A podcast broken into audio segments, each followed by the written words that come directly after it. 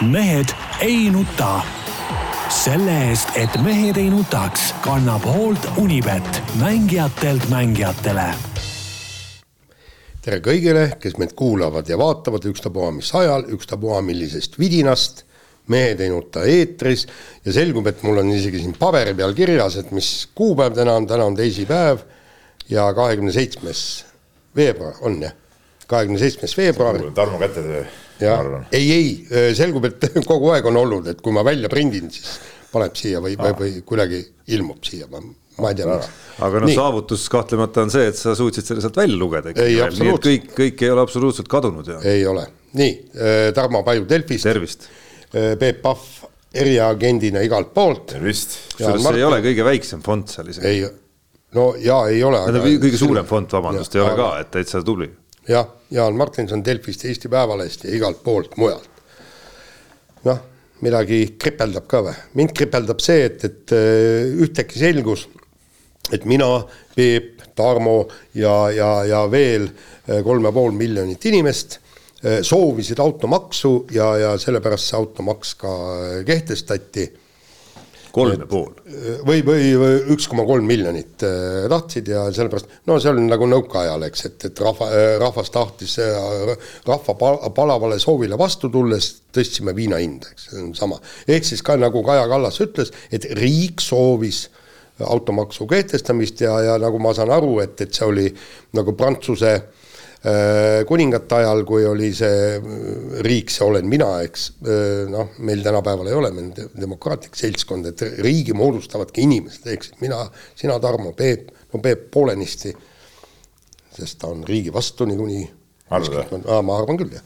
ja, ja aga, aga, aga jah, et, et kuna riik tahtis, meie kõik tahtsime, siis automaks selle tõttu tuli. Oota, eelmises saates me just rääkisime, et eh, mingid huvigrupid või keskkonnakaitsjad ja kes et nende pärast tuli, sest nad sundisid, sidusid Võrklaeva ja Kallase kinni kuskile tooli külge ja, Ja. sundisid lihtsalt ei, tõst, ei, meie tõstma seda sundisime. suuremaks., meie sundisime, tegelikult riik, meie, noh, meie me ei olegi riik ju.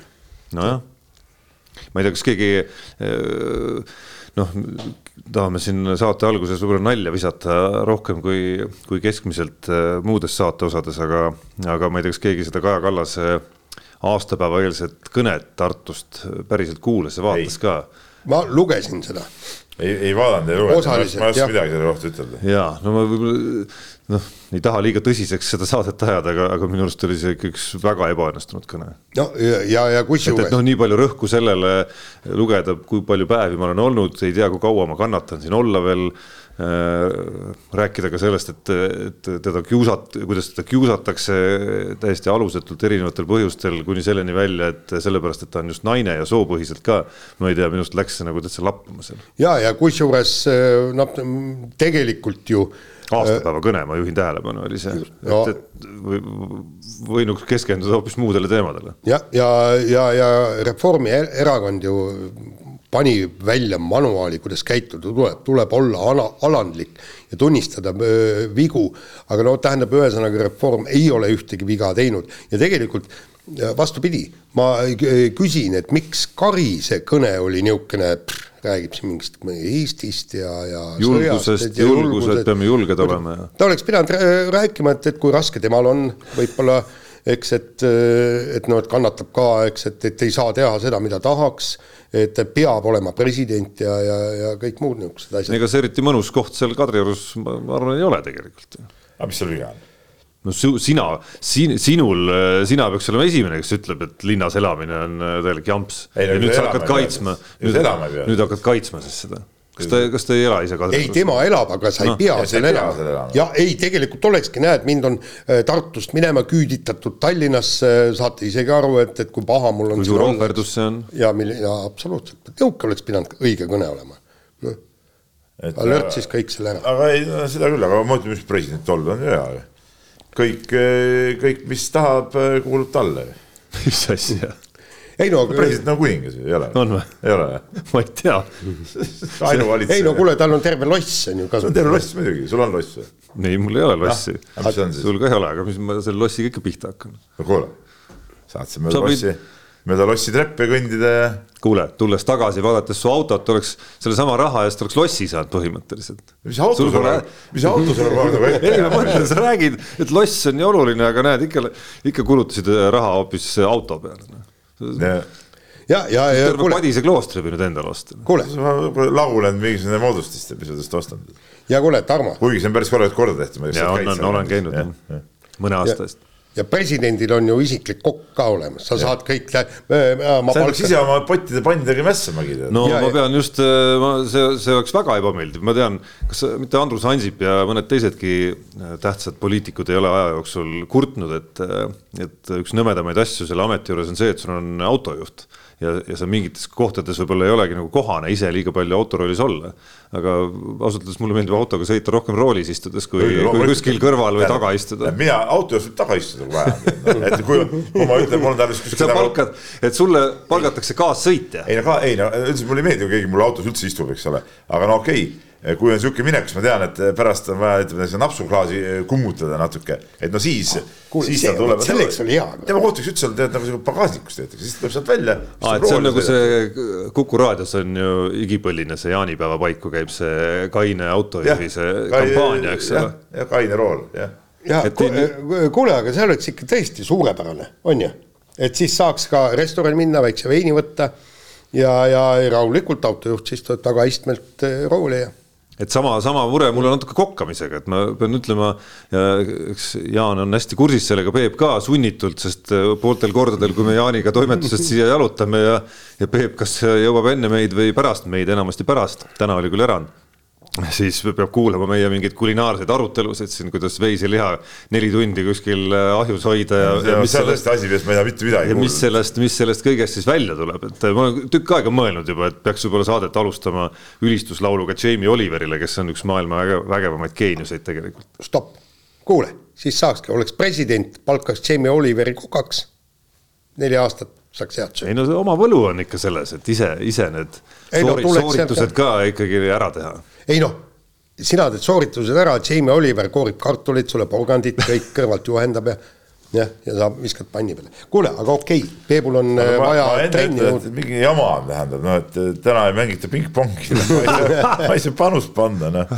no mis nüüd siis? ma ei tea, no ei ole, noh. kas lõpuks on need mingid, äh, lõpuks on see, kas lõpuks on see kuritegelik skeem paljastatud äkki, peaks Tšehhi äh, meediat natukene krimirubriiki jälgima? no ma ei tea, no igatahes ei ole, noh täielik jama no.. et, et ma siin. ma, ma, ma olen protesteerinud. Noh. ma siin alles eelmisel, eelmisel nädalal kuulasin ühte äh, Äh, kuulasin siis äh, Kalev Kruusi ja Toomas Vara juhitavat jalgpalli podcast'i, kus Aivar Pohlak oli intervjueeritav. ja siis ta rääkis seal pika ja, pika ja veenva jutu sellest, kui vägevat tööd on Eestis tehtud, et, et kogu see kihlveondus, kihlveopettundus, et sellest oleks Eesti jalgpall puhas. et huvitav, kas Tšehhi lauatennis on, on samamoodi läbi valgustatud ikkagi, tekkis mul küsimus no,. Pohlak peaks minema äkki seda alaliitu sinna juhtima Tšehhi lauatennist lauatennist. ka mitte, vaata kunagi oli Eestis ju, äh, oli ju see äh,. Kovanen oli kahe. Kovanen oli ju kahes alaliidus, sulgpall ja ujumine, ujumine. miks ei või olla siis Pohlak Eesti Jalgpalliliidu ja sama ka Tšehhi Pingpongiliidu president. eriti kuna selle Tšehhi pingpongi niidid ikkagi viivad nüüd noh, ikkagi nii tugevasti tulevad ka Eestisse välja. miks ka mitte. nii, aga ühesõnaga Äh, loomulikult alustame korvpallist ja eile siis hakkasin äh, kohtumist vaatama teise, äh, teisest veerandajast ja, ja mis mõttes? ei, oot, teisest veerandajast, sellepärast et ma olin eile toimetaja, mul oli seal vaja, vaja oma töid, nii. ja, ja esialgu ei saanud muhviga aru, et pidin minema siis tähendab nii-öelda portaali, Delfi portaali, igaks juhuks vaatame, kes mängivad sest mul tuli kohe assotsiatsioon pähe, eks, et Krasnodari äh, Krasnõi Kotelšik, kui, kui, kui käis siin Eestis, äh, seal oli, mängis üks treial, äh, siis kaks töödejuhatajat oli ja, ja siis mingi kohalik kojamees, kes polnud varem korvpalli nagu näinudki. Ja, ja siis vaheajal, kui võttis no väikse pitsi viina ja siis küsis, mõni graem futbol oli, oli imestanud sellepärast, et see vastasmeeskond, kes Eestil oli, no ta, ta sai nii palju matsipakke, et kui ma kaheteistaastasena trennis käies oleks meie meeskond niisugused matsipakid saanud, me oleks kätekõverdusi järgmise päeva lõunani teinud. Ja, ja siis selgus, et see on tegelikult on Leedu koondis, see oli ikka ausalt öeldes piinlik, ka tegelikult naljakas vaadata ka, kuidas lihtsalt lüpsti neid täpselt nii, nagu ise taheti. no aga äkki, äkki see näitas siis teise poole osavust? jaa, ja siis me mängisime hästi, kõik oli väga vinge ja, ja siis, kui teine poolaeg algas, pärast ma mõtlesin, kallid inimesed kui sa mängid, kui me vaatame kas neid viskeprotsente ja kõik ja, ja, ja kui sa mängid nii, nagu mängid ja sa võidad, siis see tähendab see, et su vastane on veelgi sitem. sest tegelikult andke, andkem andes, ainukene, mis sellest ja ka eelmisest äh, Magnoonia mängust pluss oli, oli see, et, et meil on kaks võitu kodus. Aga teie võite ümber no, see ongi kõige tähtsam, Jaan, see, et kaks ja, võitu kodus, see on kõige tähtsam, aga selles suhtes ma olen sinuga nõus, et et ma eile õhtul mõtlesin ka selle peale, Tarmoga tegime telefonikõne vist, siis ütlesin ka sulle, et, et nii, nii kehva Leedut nagu oli täitsa imelik nagu vaadata, et Leedu tõesti mängis nagu halvasti, tähendab, mehed olid ju ometigi head. Äh, euroliigas tuttavad mehed, äh, ütleme, mõned mehed olid nagu olemas, ütleme pool võistkonda olid muidugi noh, meie silmis ka no, täiesti täiesti nagu suvalised leedukad, kuigi nad mängivad no,. teisalt mängivad Eurokapi satsides või Hispaania liigas on ju. mängivad väga normaalsel tasemel, teate, ma ütlen nagu, nagu laias pildis äh, nagu, nagu tundmat-, vähem tuntud või, või tundmatumad mängijad.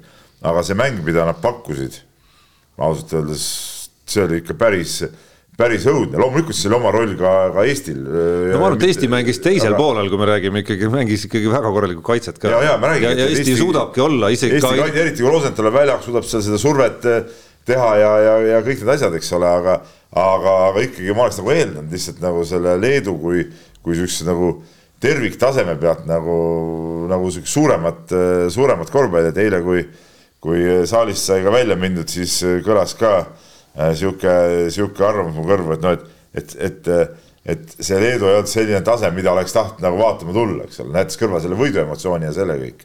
aga, aga siia võtame nagu Eesti poole, siis ega nüüd Eesti ka mingit supermängu tegelikult ei teinud, aga, aga, aga seal oli seda võitlust ja, ja seda tahet võita oli lihtsalt nii palju, nii palju rohkem ja, ja, ja, ja, ja selle eest tuleb küll nagu müts maha võtta, et et, et just selle, selle võidutahte ja, ja selle pealt eh, tehti ära just seda tahtmist näitab, näitavad eelkõige seal mingid teatud numbrid ka, nagu võtame sama ründelaudade ründelaudade skoor, mis jäi, viisteist kaks vist, eks ole, jah. täitsa, täitsa, täitsa ebareaalne, see paistis ju, ja see paistis ju mängust kogu aeg välja ka, kuidas, kuidas ütleme, meie mehed läksid nagu isukalt äh, lauda ja leedukad lihtsalt vaatasid kuskil ringi ja, ja ei saanudki aru nagu, mis toimub, et, et see nagu iseloomustas seda mängu, see lauavõitlus just ja ründelauda minek iseloomustas seda mängu võib-olla, võib-olla kõige rohkem nagu, et, et, et see, et noh, lõpus läks natuke loteriiks, no see on, see on nagu, see on nagu selge, eks ole, et seal eestlased panid ära, Kullamäe väga tähtis korv, eks ole, pani ära selle, vastased panid,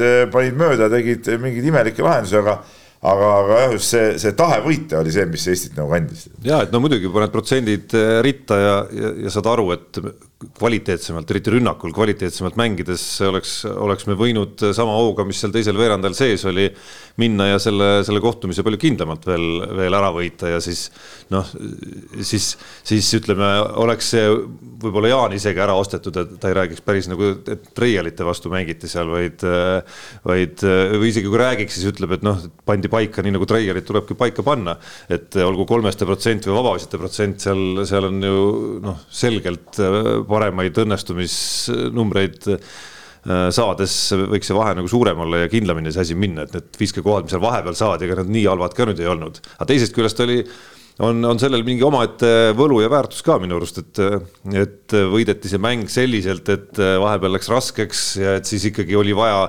otsustaval hetkel neid otsustajaid ja seal tekkis neid lõpuks ju rohkem kui üks, et Vene pani teist mängu järjest tähtsal hetkel väga tähtsa kolmese sisse nurgast ja, ja Rosenthal Äh, võttis ja, ja väga tähtsad vabavisked äh, Lukas Lekjevitšuse vastu võttis välja seal väga tähtsal hetkel, pluss siis see Kullamäe korv. no Rosenthal mängis üldse nagu hästi, et, et ma ütlen, et, et äh, täpselt nii, nagu me sinuga eile telefonis jälle rääkisime, eks ole, siis sa tõid ka välja selle Rosenthali nagu, nagu äh, enesetõestuse nagu või, või, või et see oli nagu üks sihuke nagu minu jaoks ka positiivsemaid äh, momente selle koondise juures, et okei okay,, meil oli teada, et noh, Kotsar on kõva, eks ole, et Kullamäe on kõva, noh, need, need asjad olid ju nagu nagu teada ja, ja, ja Jõesaare kõik need tugevad plussid, no Vene superkogemus, see kõik oli teada, aga see, et kuidas nagu Rosenthal ütleme nüüd need kaks mängu nii tähtsas rollis äh, vastu peab, see oli nagu võib-olla selle selle valikakna siukse eel kõige suurem küsimus ja, ja pidas väga hästi vastu see, et et eile olid visked vist, ma ei tea, kas kümnest kaks või, või mis iganes, eks ole, et see on nagu. no Kullamäel nagu, samamoodi kümnest kaks. et, et see on nagu väga, väga väike mure nagu selle kõrval, et kuidas, kuidas mees äh, lihtsalt platsi peal mängis, kuidas ta kaitset tõmbas, kuidas ta, kuidas ta üldse seal palliga toimetas, eks ole, et ei olnud, ei olnud rumalaid eksimusi, mitte midagi, et mees väga kindlakäeliselt ju, ju, ju juhtis seda mängu, kui ta, kui ta platsi peal oli, et, et need olid need asjad ja, ja näed, et, et see vaatasin eile järgi ka koju minnes äh, stuudios, spetsiaalselt sellepärast ma hakkasingi üldse seda ülekannet järgi vaatama, tahtsin kuulata, mida te seal stuudios nagu paterdasite, eks ole.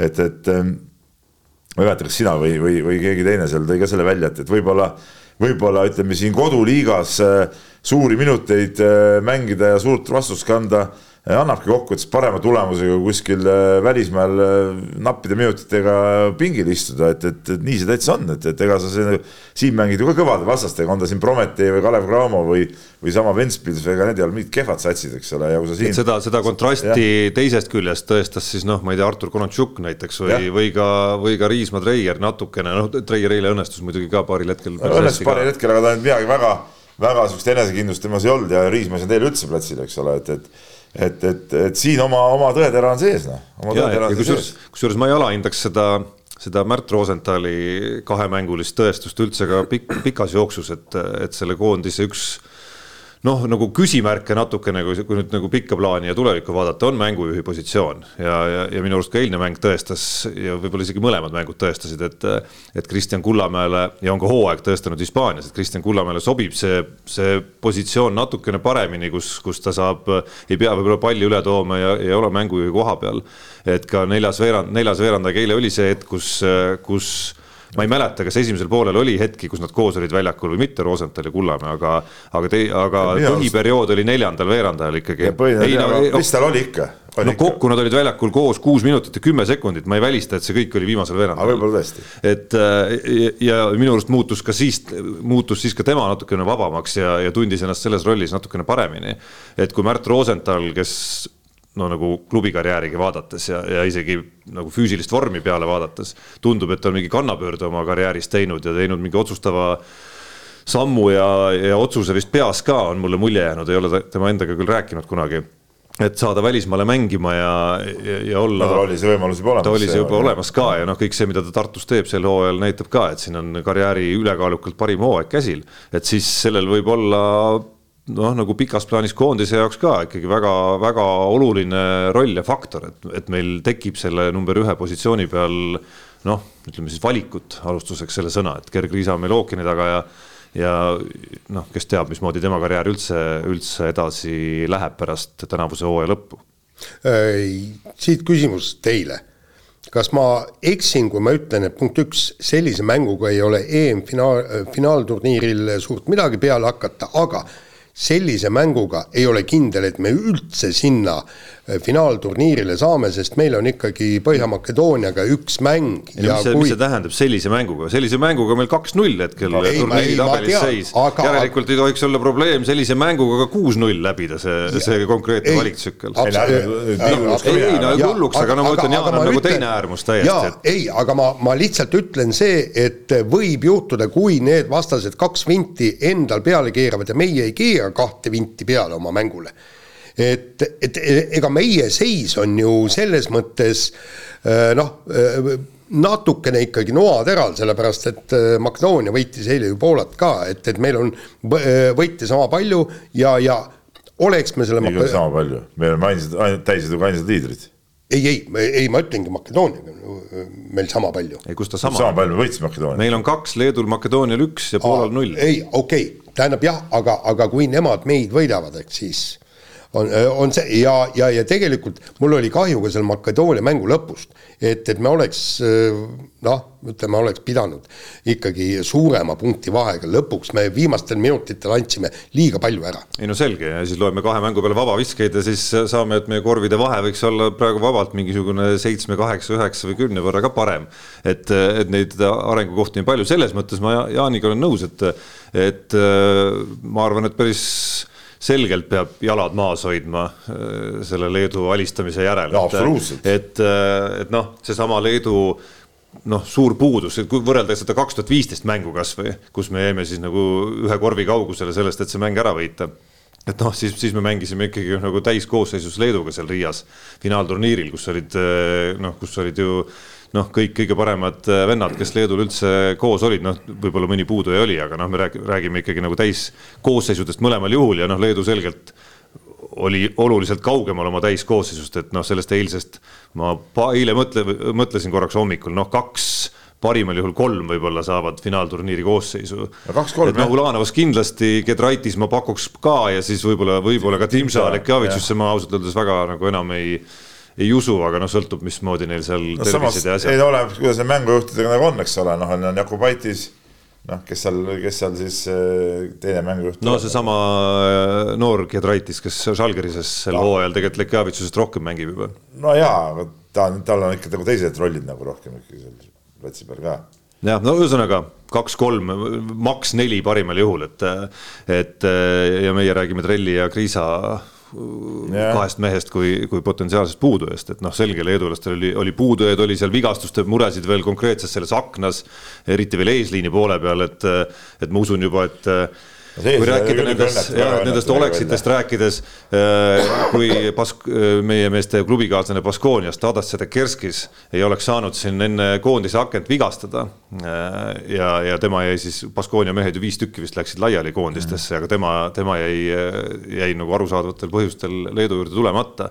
noh, siis temasugune mees oleks juba Leedu korvialust ikka nagu meeletult polsterdanud, me räägime Euroliigast äh, parimast lauavõitlejast. ta praegu ja, täna on veel ja. esimesel kohal, aga, aga ta top kolmes on kindlasti näiteks, kuigi ta ei ole keskmängija otseselt, siis ikkagi, ikkagi oleks tohutult muutnud juba seda Leedut äh, keerulisemaks vastaseks meie jaoks.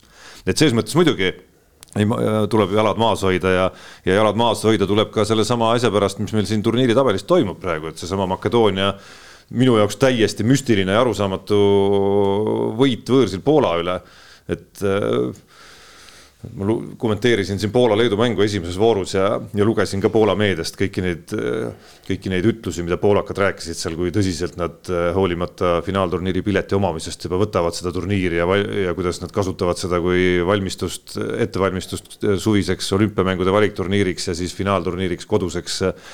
aga no see tulemus on seal täiesti ebaloogiline ja ma pean Jukka Toiale ka küll nõustuma, et et, et see, et see on nagu noh, absurd mõnes mõttes, et, et need juba piletit omavad satsid mängivad ja nende mängud lähevad ka sellisel moel arvesse, kus nad võivad nagu vett hakata segama. ei no see on üldse absurd, kogu ja, see sihuke süsteem on absurd. ja et no mängigu siis niisama kaasa, aga, aga arvesse lähevad ülejäänud kolme omavahelised mängud. niisama kaasa mängida pole ka mitte mingit mõtet. ei nad saavad oma mänge näiteks. selline variant, vot see ongi nüüd see halb, halb lugu, miks on see, et Eestis neid korraldada nii palju et nii palju saab neid nagu edasi, nagu seesama see Küprose. no tehku siis need jah, need neli korraldajat võivad omavahel sõprusmänge mängida. jaa, aga noh, see ei, see ei paku ju kellelegi midagi, eks ole. sest, sest, sest, mis, sest, sest mis on, aga... mis on perspektiiv meie jaoks ja. Äh, lõppkokkuvõttes, ma igaks juhuks juhin ette, ettevaadetes tähelepanu. see valikturniiri viimane voor on selline, kus Eesti kohtub võõrsil Leeduga ja Põhja-Makedoonia võõrustab Poolat nii, ilmselgelt äh, saame kõik aru,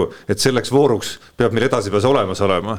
et, äh, et, et mitte nagu oodata seda tulemust, mis sealt äh, Põhja-Makedooniast siis nagu Poolat võõrustades tuleb, kui nad teisel korral kokku lähevad. selleks oleks Poola kaks korda ära võtta, oleks rahu majas noh, teoreetiliselt piisab ka Makedoonia enda alistamisest, äh, eeldusel, et äh, Põhja-Makedoonia ei äh, võida Leedut temal kummal korral. no sellest, kui korra võidab. Ja kui korra võidab, siis on jama, aga no ma tahaks Leedust natuke enamat uskuda, aga no ega see lihtne vastane ei ole seal, me nägime, et seal Põhja-Makedoonia võib, võib nagu ebamugav olla ikkagi, eriti seal kaks meest, kes kes, kes on nagu päris kvaliteetsed ikkagi. aga äh, see eilses Botinka ei mänginud, eks ole ju. Bonitka. Bonitka, Botinka, Bonitka jah, ei mänginud ja, ja, ja, ja see kindlasti avaldas ka oma, oma mõju äh, Poola, Poola mängule. noh, noh ja olukorras, kus sul äh, pilet on olemas, noh, sul ei ole mõtet ka mingisugust kergema vigastusega ja. meest üldse väljakule saata. hakkas seal riskima. jah, ja no me ei tea üldse ju mitte midagi, mis, missugune on järgmine aken on novembris ja sellest järgmine aken on siis aasta pärast veebruaris, et kas seal Euroliiga mingisuguse pausi teeb, mis klubides meie mehed üldse mängivad. et noh, seal on nii palju teadmatust ja, ja ja, ja küsimärke üleval veel, et, et siin nagu ainult sammhaaval tuleb, tuleb võtta ja, ja noh, parim moodus on hoolitseda selle eest, et, et saame järgmisena Poolast jagu ja, ja, ja siis on kõik meie enda kätes aga noh, mõnes mõttes on hea võib-olla, et, et see tee finaalturniirile noh, ütleme, on selline, kus tuleb ikka nagu väljakutseid ka läbida. karastab, ma arvan, finaalturniiriks. nii, vahetame teemat ja nüüd on meil saates selline hetk, kus vähemalt siin saate esimeses pooles peame ütlema, et äh, sporditeemad või noh, ütleme siis võistlusspordi ja, ja konkreetsete mängude või võistlustega seotud äh, küsimused on kahjuks läbi saanud, ehk siis vahepealne nädal on, on sellist äh, spordi pahupoolt või, või või, või võistluste välist kahjuks pakkunud, pakkunud päris palju.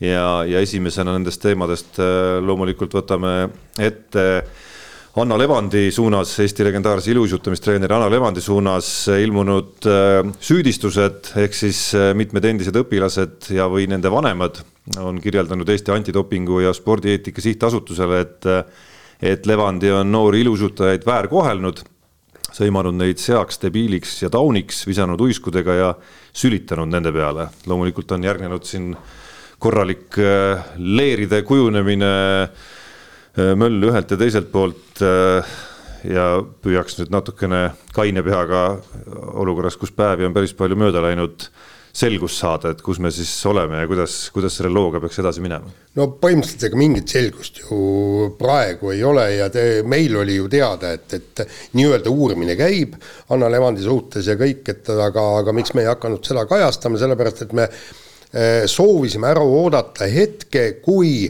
see uurimine annab mingigi tulemuse. aga praegu noh, see on puhtalt minu isiklik arvamus, aga pais-, paisati pask ventilaatorisse ja, ja, ja nagu ma oma kommentaaris kirjutasin, meil on täpselt niimoodi, et, et see on usu küsimus praegusel hetkel. kas me usume lapsevanemaid või me usume neid, kes Anna Levandit kaitsevad, see on täpselt niimoodi, et, et seal ei ole nagu halli tsooni inimesi, mina ei näe ühed on ühel pool barrikaade, teised on teisel pool barrikaade. ja seal on igasugused kõik muud äh, nüansid tulevad mängu, kas või see, et et äh, see antidoping nii-öelda kahtleb selles, et kas uisuliit, kes peaks nüüd juurdlust läbi viima, on pädev seda tegema, seal on ka veel juurdluse juures igasuguseid küsitavusi, samas jälle teine seltskond kindlasti arvab, et, et, et, et miks ei peaks see uisuliit olema piisavalt pädev. see nagu see antidopingu äh, väide sellest, et kas äh, uisuliit suudab seda juurdlust eh, korralikult läbi viia, see nagu kõlab natuke minu arust kogu seda teemat nagu ilmselgelt mõjutavana, et, et, et nemad on nagu justkui oma silmis nagu nagu niimoodi otsuse langetanud, et, et, et igal juhul ei, ei ole, Peep, jällegi sa saad valesti aru, tähendab, see võib, võib ju tähendada ja võib-olla antidopingu uurija ka seda mõtles, tähendab see vastupidi seda, et kui Anna Levandi mõistetakse väärkohtlemises süüdi siis on uisuliit puusse pannud, et tegelikult no te lähete, no te lähete nüüd selles mõttes kaugele, et noh, teisest küljest on meil näiteid, kus kas mitte Kergejõustikuliit oli see, kes äh, tõstis ise kunagi mingis hetkes käed ja nagu vastupidi, tahtis väga, et, et sellist või noh, sarnast või noh, tegelikult palju räigemat äh, ei, lugu uuriks, no ei no selles mõttes mingi sarnasus on, et see ei puuduta mingisugust, äh, ma ei tea, võistlusolukorda või, või mida iganes, et, et tegemist on mingisuguse nii-öelda spordieetika ja treeneri koodeksi ja, ja noh, seal isegi kuriteoga, nii-öelda kuriteokahtlusega juhtumiga. et, et just vastupidi, uuriks organ, kes, kes, kellel on nii-öelda pädevust nagu rohkem seda teha ja kes on neutraalsem võib-olla, et et, et jah, kas seda, seda sellist kahtlust äh, pidi nii-öelda töö käigus õhku viskama avalikult, on iseküsimus, aga, aga arutelu koht see kindlasti on. jah, aga uisuliit ju lõpuks ütles ka, et nad tahavad kaasata sõltumatuid eksperte kas nad seda teevad, aga, aga, aga nagu Tarmo, me hommikul äh, sinuga ka arutasime, et, et äh, kurb on see, et, et, et praegune seadusandlus või, või, või nii-öelda reeglid näitavad seda, et uisuliit peab äh, läbi viima juurdluse ja kui ta tahab, siis ta annab selle edasi antidopingule, kui ei taha, viib ise, nii et, et ütleme niimoodi õiguslikult ja seaduslikult ja reeglite järgi teevad nad kõik täpselt õigesti. ei no muidugi teevad õigesti, selles suhtes jah, muidu nad ei saakski seda ju teha, muidu poleks neile seda, seda antudki, aga nüüd äh, me räägime siuksest nagu, nagu pisiasjast, aga asjast endast nagu rääkides. no ma tean, et me oleme siin laua taga ka suht erinevat äh, meelt nendes, nendes asjades, et, et et ega selles nagu ilmselt ei ole põhjust kahelda, et, Anna Levandi ongi siukeste suht jõuliste võtetega treener ja ja, ja, ja treener, kes, kes siis nõuab nii endalt kui, kui õpilast absoluutselt maksimaalset pühendumist tulemustele, ainult see loeb, ainult see maksab, et et, et see, selles ei ole nagu küsimus, mul on nagu rohkem see küsimus, et, et et kui nii palju aastaid need õpilased seal olid ja lapsevanemad nagu nägid ja neile tundus, et, et et käituti natuke halvasti või, või, või, või kuidas ma ütlen, ahistati või kuidas see kirjas oli, eks ole.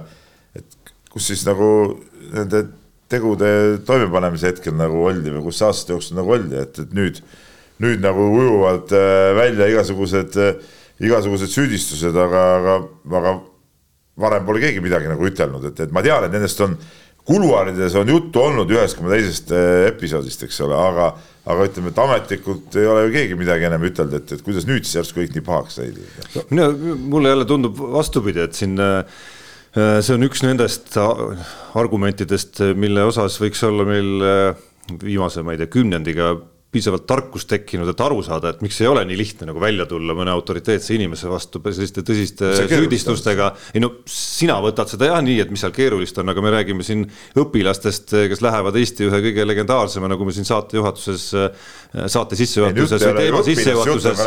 ei no vahet ei ole, igal juhul on see keeruline välja tulla, eriti kui seal see, see teema võib veel ja jõuabki tihtilugu veel avalikkuse ette ka, et, et me näeme palju rajumate juhtumite puhul, hiljuti rääkisime siin siin äh, võimlemistreenerist ja seksuaalsest väärkohtlemisest, kus siis aasta aega sai tulla ja, ja ei olnud ohvril väga lihtne kuskile minna, kuhugi lõpuks, lõpuks oli vaja kõrvalist pealtnägijat selleks, et see juhtum mingisuguse. see ütleb ametliku... mingi seksuaalne pool hoopis teine no, asi. see on näide lihtsalt sellest, et, et see argu ja, ja nagu ma kuulan Siigi näiteks. ja, ja, ja eriti kui, kui, mis järgneb sellele, on siis, on ka see, et nagu Jaan kirjeldas ka, noh siis, siis läheb kohe väga suureks usuküsimuseks ja kõik leiavad, et nad peavad kohe mingisuguse poole võtma ja, ja see möll peab igal juhul lahti minema. kuni selleni välja, et, et sa rääkisid siin, et Perli ei usalda uisuliitu, Eesti Olümpiakomitee president öeldes ka kõik äh, kohustuslikud laused, kuidas Eesti EOK seisab selle eest, et kõik oleks meil eetiline ja nii edasi, siiski julgeb poetada lause, aga ma ei usu, et ta viskas.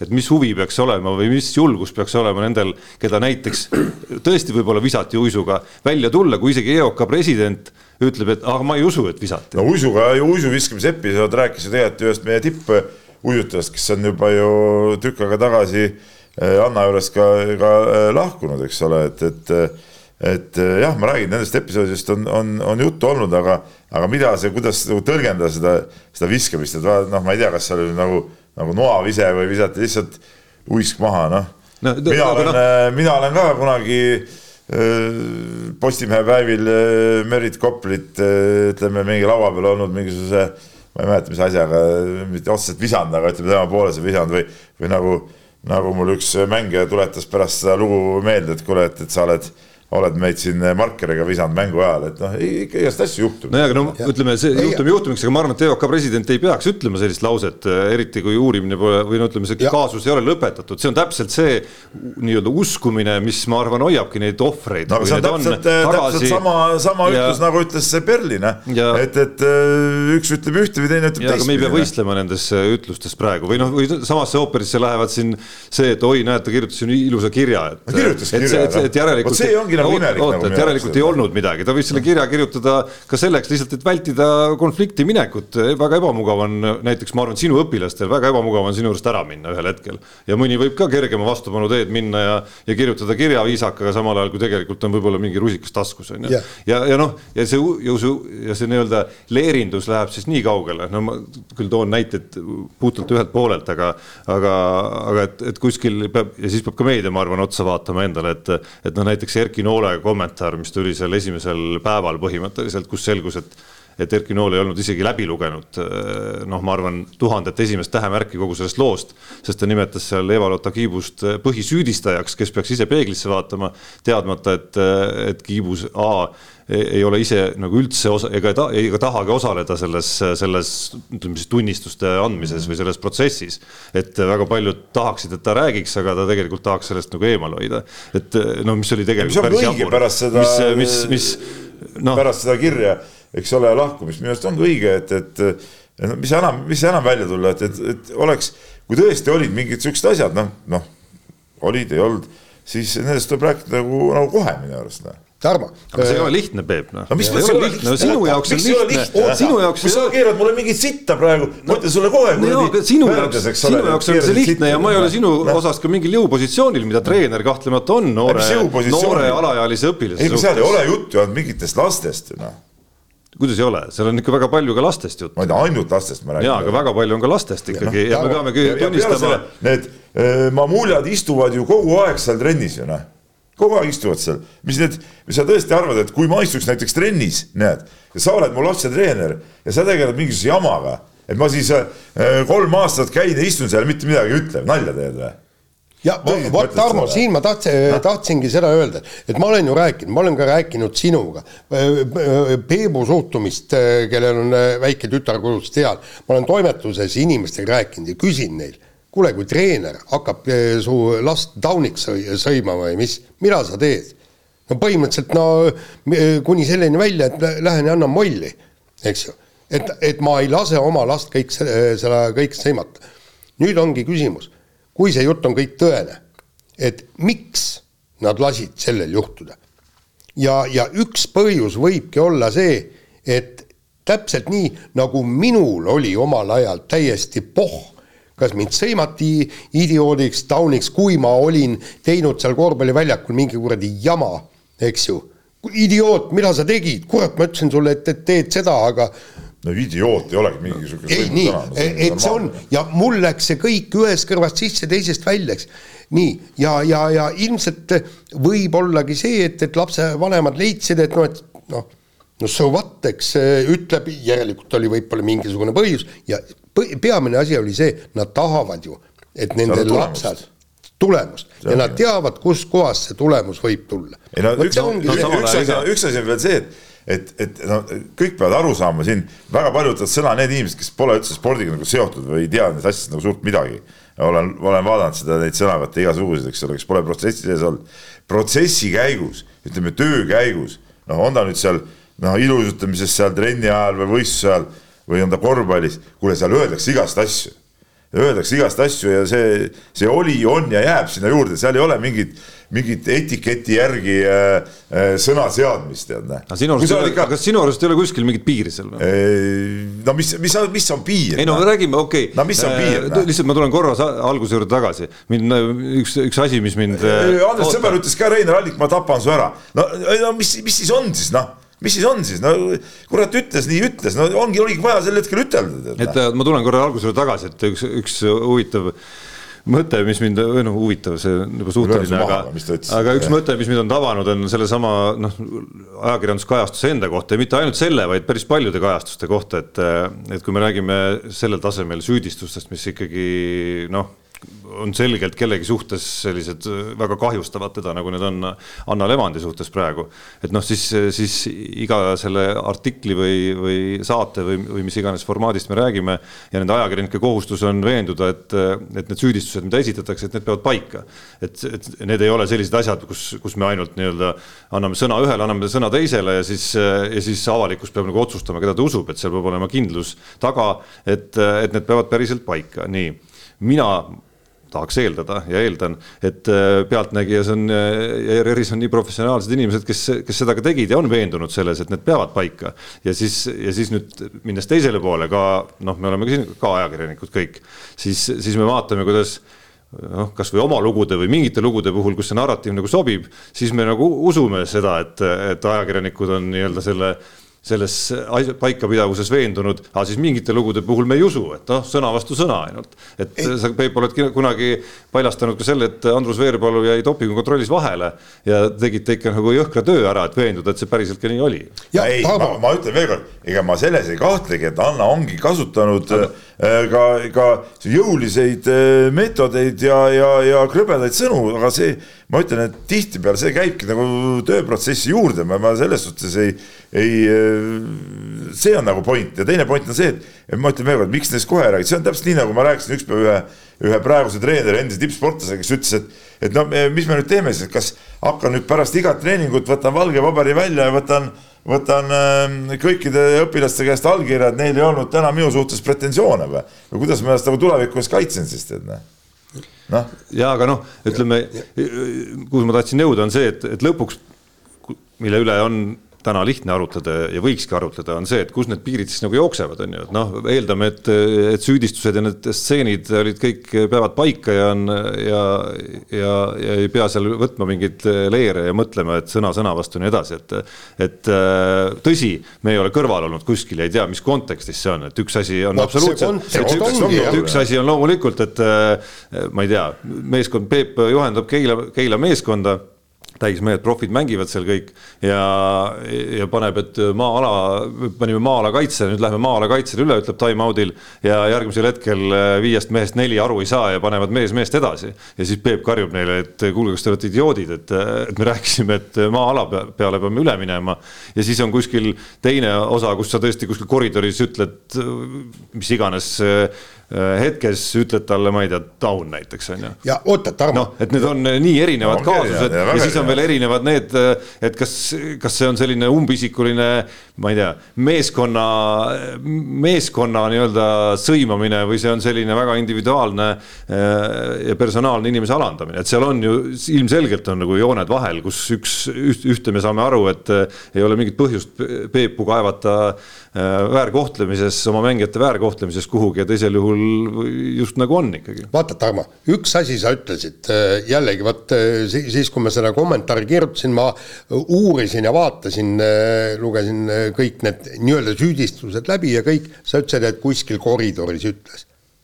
Mille peale üks ema ju andis täpselt teada, et ta karjus laste peale neid taune ja idioote nii kõvasti, et meie kuulasime seda seal üleval puhvetis, kus on klaassein vahel.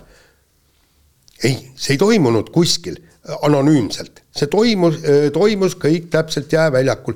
Ja kui me räägime, kui, kui väikestest lastest, siis seal oli umbes paarkümmend põngeret niikuinii oli äh, seal kõik rajal.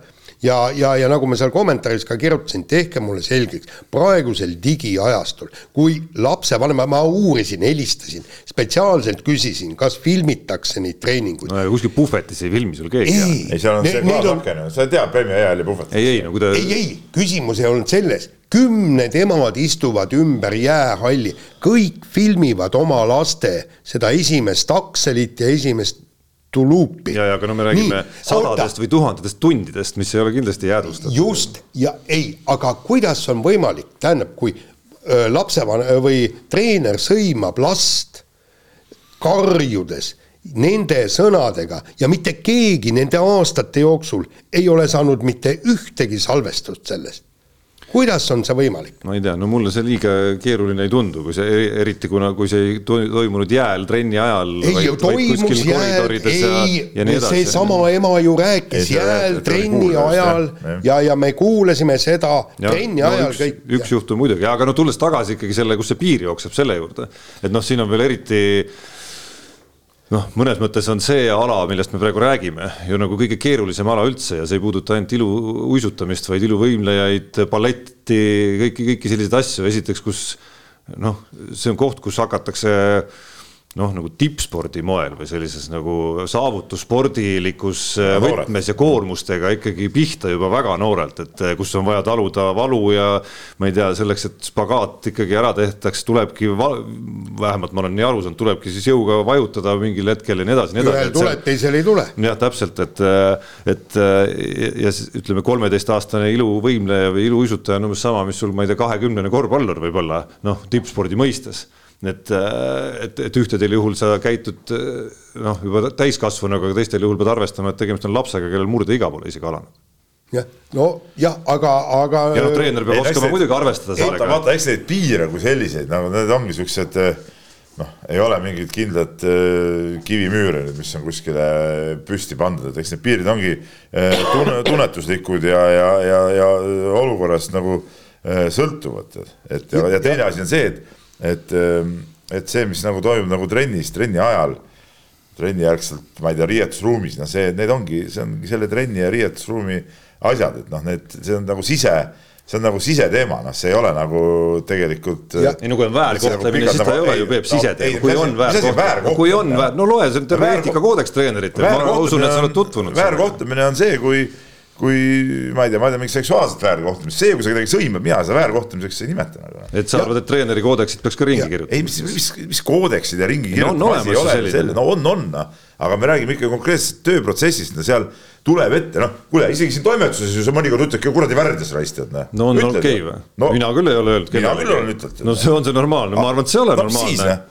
Aga mis siis, see ole see on hetke emotsioon mingisuguse juhtumi peale, kõik, see on viie minuti pärast möödas juba. ma arvan, et sealt see joon umbes jooksebki, Peep, olgu siis kontoris, ma ei tea, koolitunnis või trennis, et, et ütle talle, mida ta valesti tegi, riidle temaga selle nii-öelda tegevuse või probleemi pärast, mitte ära ütle talle, et ta on värdjas taun või idioot. Noh, kuule, väga lihtne ju, lihtne joont tõmmata. ei no ma, mina sihukest jooni ei tõmbaks ja ma arvan, kui, kui inimesed emotsiooni nagu üldse inimestel ei ole, no siis ei olegi mõtet millestki rääkida. ma räägin emotsioonist, mis on erinev. Aga sa, sa oled ka tegelikult ennast äh, natuke kõrvalt vaadanud.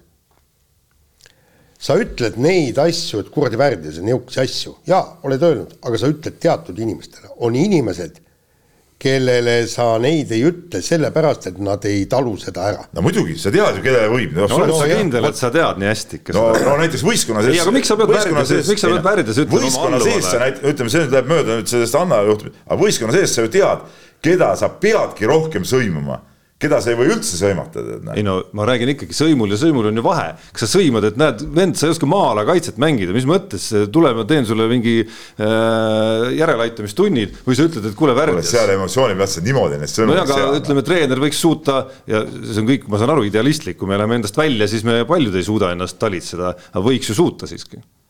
No sa isegi tagusid vanasti ju jalaga seina. no jaa, aga ei öelnud värdjas kellelegi No seinal ei seinal ei juhtunud sellest midagi ja sein ei ole väärkohtlemisavaldust no, teinud minu kohta. ma tean siis näite, no ja noh, siukseid asju juhtub paratamatult mingitel hetkedel no nagu, ja, on ja sellest ei ole nagu. ei no seal on ka vahe, juhtub, tunnistad, et see oli vale ja vabandad näiteks, aga sa ütled, et on täitsa okei okay värdjas öelda, noh siis, ma, siis mina vaidlen küll vastu sellele. see okei ja Tarmo. selles õigus, vahe mõnikord on ka nii, et ongi tarvis mingi pool sammu tagasi tõmmata, vaata, see läks nüüd praegu natuke liiga krepkaks, et noh, okei okay,, või teinekord teedki meelega krepka ära, vaatad, aga nüüd on taktikaliselt õigem, tõmbad nagu tagasi korraks, eks ole, sa vabandad midagi nii ta-ta-ta, eks ole. noh, see asi, see on nagu, ma räägin, see on nii tunnetuslik teema nagu. Tarmo, saad aru, kõik need väljendid, mis, mis ta ütleb, no värdjas sai väga Ei, no palju temaga lihtsalt, rohkem noh. jaa, et nad, mis sa oled idioot või kõik niisugused tõesti toimetuses.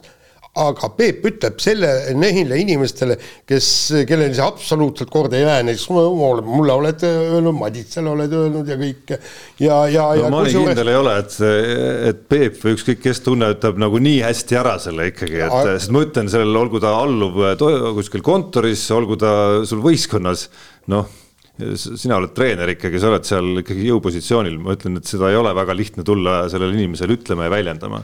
Sest noh, tuleb ja protesteerib, kuule nii ei räägita, järgmisel hetkel viskad võis- võistkonnast välja kogu lugu loomulikult. noh, no täpselt ja sellepärast ei tulegi ja sa imestad, sa imestad, miks keegi rääkima ei tule, sa räägid nii endale vastu. ei, mis asja. sellepärast ei tulegi praegu nagu, nagu, nagu suurte inimeste spordist ja seal on nagu teine asi, seal on lastel võimalik valida, mis treeneri juurde sa lähed. no samamoodi Kossus teoreetiliselt on võimalik valida, aga prakti-, praktikas neid valikuid ju liiga palju ei ole siiski.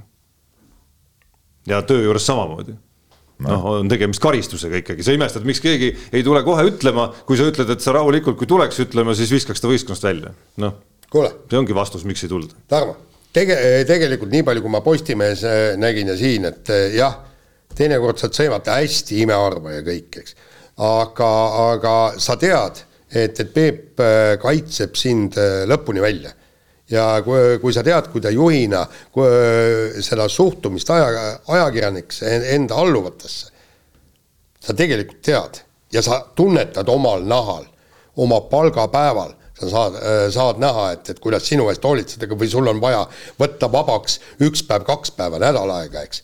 ei ole probleemi, küll me selle töö ümber korraldame. Peep ju tegi ise, kirjutas neid eh, pagana artikleid ajal, kui alluvatel oli vaja ära minna ja ausalt öeldes et, et, et kõik need, see, kas sa oled idioot või, või, või niisugused väljendid, sa ju tead, et need on kas tulnud kuskilt, ma ei tea, südamepõhjast, et kui sa oled oma sita kokku keeranud või lihtsalt nii-öelda nalja pärast, aga te- reaalsus on teine. ta ei hakka kunagi sind eh, millegi mingist kuradi jama pärast eh, minema peksma aga no nüüd me läksime teemast täitsa välja Ja, nagu. ei, aga, aga me ei läinud selles mõttes ei, läinud, see, et- see on täpselt sama, kui et- näiteks vaata needsamad, vaata, kui palju on neid, kes kirjutasid äh, selle Anna Levandi, kuidas, kuidas ta andis hingejõudu, toetas mind igati, kõik nii. ja kas me usume, et neile Anna Levandi mitte kunagi ei öelnud ühtegi niisugust sõna või? no täpselt ei tea, aga noh, see on Aga- aga- teisest küljest on see jälle see teema, et äh, nagu ma Jaan sulle rääkisin, et sa annad mulle siin nurga taga vastu vahtimist, sada inimest võib tulla öelda, et äh, Jaan on kõige sõbralikum inimene üldse. ja see ei tähenda, et ma ei oleks saanud vastu vahtimist. ei, aga ma seda just räägin, et see Levandi võis, võis selle ühele, teisele, kolmandale öelda, aga tegelikult ta toetas seda, seda iluuisatajat ja tegi kõik endast oleneva selleks, et ta jõuaks tippu jah, seal oli ka kirjas, et kuidas ignoreeriti, ei tegelenud sellepärast, et ei näinud perspektiivi, tõesti, mille kohta Anna Levandi ütles, ma olen tippude treener. et see on ainult, ainuke minu eesmärk. ja, ja kõik, aga tead, me läheme selle teemaga, me, me võime siin tund aega veel nii palju on rääkida. kohane öelda, et noh, kõik sellest peavad loomulikult kõik aru saama, et, et tippspordis äärmine nõudlikkus peab ilmselgelt käima nii, nii treeneri kui, kui iga õpilase enda juurde. lihtsalt küsimus on, et kus see, kust otsast see nõudlikkus siis alandamiseks üle läheb, kui me nagu treeneri vaatenurgast räägime, et et noh, ma mõtlen ja, ja see ei aga ole. olgem ausad, olgem ausad, tahame üks asi veel, no ikkagi tegelikult on mindud ikka äh, inimeste see, kuidas ma ütlen, sihuke taluvus on läinud ikka jõle pehmeks või, või kehvaks ka tegelikult. tänapäeva No- inimeste see, või tänapäeva selle noore põlvkonna võib-olla, võib-olla taluvus on, on, on ikka kordades nadim, kui oli, kui oli ikka vanasti. no see peab kindlasti paika jah, et me oleme siin äh, kolleegidega ka arutanud, ma mäletan. No meie, mina käisin koolis äh, nii-öelda põhikooli al algus oli kaheksakümnendatel, teil olid veel varem, et noh, neid juhtumeid, kus äh, meid on seal mingisuguse ulakuse eest äh, füüsiliselt sakutatud seal mõne õpetaja poolt, on meil kõigil ilmselt No ette näidata näiteks ja, ja noh, ega me tagantjärele ei tunne, et, et, et see nüüd nagu noh liiga suur asi oleks olnud, kui me tagantjärele ise tunneme, olles üles kasvanud sellel ajastul äh,. aga noh, see ajastu ja tarkus on, on kahtlemata kasvanud ja, ja noh, seal on minu arust on seal nii noh, ilmselgelt positiivne pool, et väga palju sellest, mis toimus, võib-olla võiks tegelikult toimumata jääda äh,. olgu siis käe külge panek või, või, või mingisugune verbaalne osa ja, noh, teisest küljest siiski jah, me näeme koolides ka äärmusi, kus, kus õpetaja justkui ei tohi nagu üldse enam korrale kutsuda mitte kedagi ja järgmisel hetkel on vanemad koolis ja, ja teevad õpetajale selgeks, et sa ei ole siin mitte keegi vaata, me räägime siin praegu kolmekesi, võib-olla Peep teab rohkem, kuna ta on treener, eks. räägime asjast, millest midagi ei tea, eks. soovitan kõikidele soojalt, ma ei tea, kas Tarmo, sa tegid ja Peep ja sina ka kindlasti, lööge Õhtule otsingusse sisse Kaie Kõrb ja võtke välja esimene artikkel, kus meie tipp-balleriinid räägivad väga-väga pikalt, kui karm on äh, see äh, balletitants ja, ja, ja nad on samas ka õpetajad ja seesama Kaia Kõrb eh, meenutas, kui ta ei saanud balletikooli sisse, sest tal polnud spagaati ja siis ta läks spordiinternatkooli eh, sportvõimlemise erialale ja kus ta pandi spagaati ja kirjeldab seal. Treener sur-, surus lihtsalt õlgadest ta spagaati, ütles raks käis, aga kõõlused jäid terveks ja kõik oli korras. Aga ta ühe jala spagaat ei olnud piisav, tähendab, ta äh, ei tõstnud pea kohale piisavalt spagaadis, mis ta tegi, ta sidus selle jala ööseks ööseks voodi peatse külge kinni ja, ja magas öösel spagaadis. ja mida ta siis veel seal ütleb, ütleb see, et praegused noored enam ei talu valu. ta toob seal ära ka põhjused, mis tema arvates, mis on ja, ja, ja, ja see on, ta ütleb, et see tänapäevane põlvkond, nagu Peep ütles, on natukene teine põlvkond, mis meie omal ajal olime, aga igale ühele soovitan, lugege ja, ja siis te näete, mis tegelikult elu on, kui see hüppeliigese muruga pead äh, tantsima äh, selle paganama etenduse lõpuni või, või, või, või siis selle kuradi ma etenduse öö osa lõpuni. nii, aga lähme nüüd siit edasi. Nii, lähme edasi ja ega siin nalja saab, ütleme siin spordis igasugust ja juhtus sihuke huvitav lugu Eesti käsipalli meistriga klubi HC Tallinn äh, peab ilmselt tsempionaadi pooleli jätma, sest et äh, ei ole, ei ole meeskonnal enam meeskonda või ei ole, ei ole meeskonna omanikul enam meeskonda, kellega mängida, et juhtus selline lugu, et, et olid klubis suured, suured võlad, lisaks siis vallandati peatreener Martin Noodla ja, ja, ja pärast seda mitmed või mitmed mäng, mitte mitmed mängijad, vaid kogu meeskond siis keeldub sisuliselt uueks peatreeneriks tõusnud klubi Risto Leppa juhendatavas meeskonnas mängimast. et tundub, et täitsa sihuke olukord, millele nagu lahendust polegi, sest et kui on võlad üleval ja raha pole, siis raha lihtsalt pole, no nii ongi. jah, no väidetavalt siis need võlad maksti ära siis pärast väikest viivitust, ma ei tea, kas kõik või võlad, mingi osa vähemalt. või vähemalt mingisugune osa, aga no tähendab lepingu järgi ma arvan, et, et praegu oleks väga rahulik, eks, kui see juriidiliselt on õigus sinul, siis rahulikult sa saad ju asja nii-öelda nii-öelda kohtusse anda, noh, tegelikult eks see alaliidu ja, ja meil on ju need äh, endal olümpiakomitee juures, et distsiplinaarkomisjon ja, ja, ja kõik, eks, aga mul on miskipärast tunne, et, et õigus on mängijatel. ja see kõlab, et see, kui see lugu algas, algas ühest Risto Lepa pressiteatest ja postitusest, mis süüdistas Martin Noodlat seal klubi või meeskonna või, või ma ei mäleta, kuidas ta täpselt sõnastas, kaaperdamises ja ja kus liiga palju aru ei saanud, et mis siis tegelikult toimumas on, et siin järgnenud päevad ja ajakirjanike töö on, on seda pilti klaarimaks, klaarimaks muutnud ja, ja noh, mina loen lõpuks sellest loost välja siis umbes, umbes sellise saaga, kus, kus ühest küljest on olnud rahaliselt väga suured raskused ja, ja, ja väga suured probleemid. Tundub, et Martin Noodla, kes ühtlasi on ju ka Audentese ja Eesti koondise peatreener ja, ja mitmed Audentese õpilased ka mängivad selles samas satsis on olnud miski, mis on siis kuidagimoodi suutnud seda, seda seltskonda koos hoida. ja siis, kui ühel hetkel, ühel hetkel Risto Lepp otsustas ka Noodla teenetest loobuda, et siis, siis vajuski see asi konkreetselt laiali ja ei olnud nendel mängijatel ka ühtegi motivatsiooni enam, enam Risto Lepa eest äh, mängu minna, et noh, tõin siin saate eel ka väikse paralleeli, et kui seesama Peebu ja Tarmo Heina Äh, sõda ja Peebu vallandamine oleks toimunud kuskil hooaja keskel, sellele oleks eelnenud paar kuud äh, maksmata palkasid. ja, ja noh, siis ma arvan, et oleks umbes sama asi juhtunud et, et kui siis ühel hetkel kaob ära veel Peep, kes, kes tegelikult hingeliselt, emotsionaalselt hoiab seda asja koos, siis, siis oleks ka mängijad kadunud. jaa, aga seal on üks väike küsimus. oleks see Noonla siis tõesti okei okay, treener tulemuste põhjal, aga nad on äh, võitnud vist, äh, ühe, saanud ühe võidu, neliteist kaotust. vaadata ka, mis no, suutlikkus nendel satsidel seal, seal üldse on, et ta siiski esi, Eesti esipalikoondise peatreener, Jaan. ei, ei, ei, ei, ma saan, ma saan aru. oleks siis treener, mis ta ütles, et suutlikkus tulemuste poolest, ma arvan, et tal ikka suutlikkust on tegelikult. Noh. ei, aga, aga no vot siin ongi. väga hästi mängida. et küsime, et noh, oskad sa, Jaan, öelda nii täpselt, et kas sellel satsil peaks koosseisu ei. vaadates olema potentsiaal enamaks või mitte? ei, aga, aga see minu arvamus ei huvita ka kedagi, kui on klubi, klubi omanik ja, ja ta leiab, et, et, et Noodla Äh, ei vääri enam selle meeskonna treenimist, noh, mis siis teha, noh. mis siis teha? ja, ja, ja nüüd ongi, tulemus ongi see käes, palun kõik.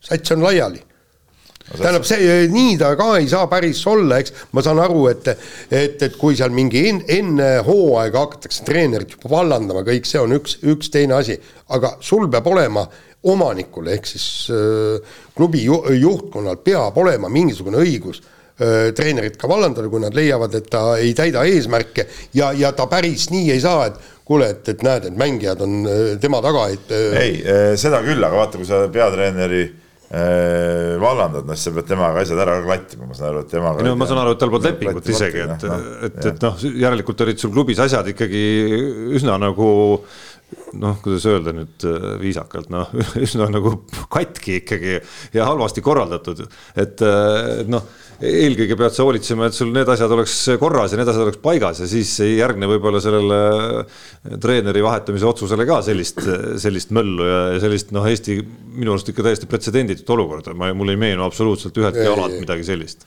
no teisalt jälle muidugi, eks Lepp on ka sihuke väga emotsionaalne ja sihuke tuhhiga tegija küll, aga noh, vaata siis tekivadki vahel siuksed asjad, kui ütleme nagu keerad nagu vindi üle lihtsalt, noh. ja, ja see vint ongi ilmselt üle keeratud nagu praegu no,. aga, aga ütleme ootustes ja ka lubadustes, mida ei õnnestunud täita, no selles on küsimus. no jälgides ka tema viimaste päevade postitusi, siis ta on tunnistanud seal üsna palju, et tema asjaajamised ongi konarlikud ja ta otsib endale assistenti, kes hoolitseks, kes hoolitseks äh, nüüd selle eest, et, et ka mingid lepingud ja mis muud asjad kõik vajalikud oleks siis korralikult äh, korda aetud. et noh, kui need ei ole aetud, siis, siis saavad tekkida sellised võimalused. ja, aga mul põhiküsimus on see kas HC Tallinn läheb nüüd hingusele, sest äh, pooleli, ega nad järgmine aasta tagasi ei, klubi ei saa hingusele otseselt ei pea minema selle pärast, küsimus on, kas neile meistriliiga koht alles jääb. kui nad, kui nad on no minu loogika ütleb, et nagu väga veider oleks, kui see alles jääks, kui lõpuks ju loobumiskaotustega.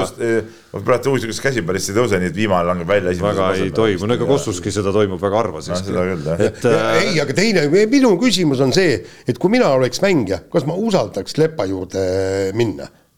Kui, kui ma tean, millise kuradi jamaga võib see öö, hooaeg pooleli minna, sa tead, et seal on võlad kogu aeg no, üleval. jah, ja ütleme, kes tahaks siin minna ja kuidas ta veenaks mind, et nüüd ma olen hea, enne, enne juhtus jah, aga nüüd ma olen hea ja kõik. väga keeruline väljakutse, ma arvan aga ja. ma kahjuks käsipalli meistriliiga reglementi ei tea, kuidas seal mõeldud, kuidas seal kirjas see on, et kui nüüd tuleb, ma ei tea, mitu loobumiskaotust, siis tavaliselt võistlustel ma tean, järgneb sellele turniirilt mahavõtmine, aga kas sellel on mingid mõjud ka siis tulevast, tulevastele või järgmisele hooajale?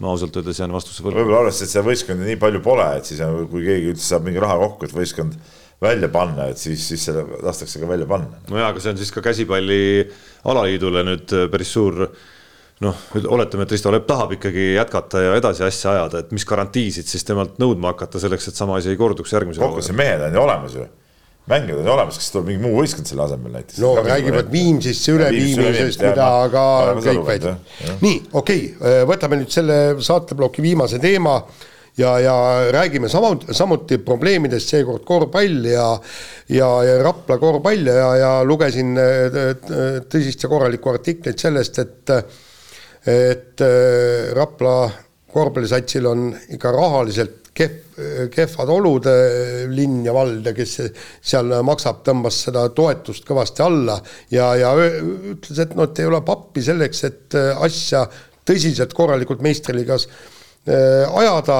ja äh, noh, umbes niimoodi, et võib juhtuda tuleval, äh, tulevikus keskendutakse ainult noortele. et kas see on siis nii-öelda hädakarje või on seal ka realismi taga?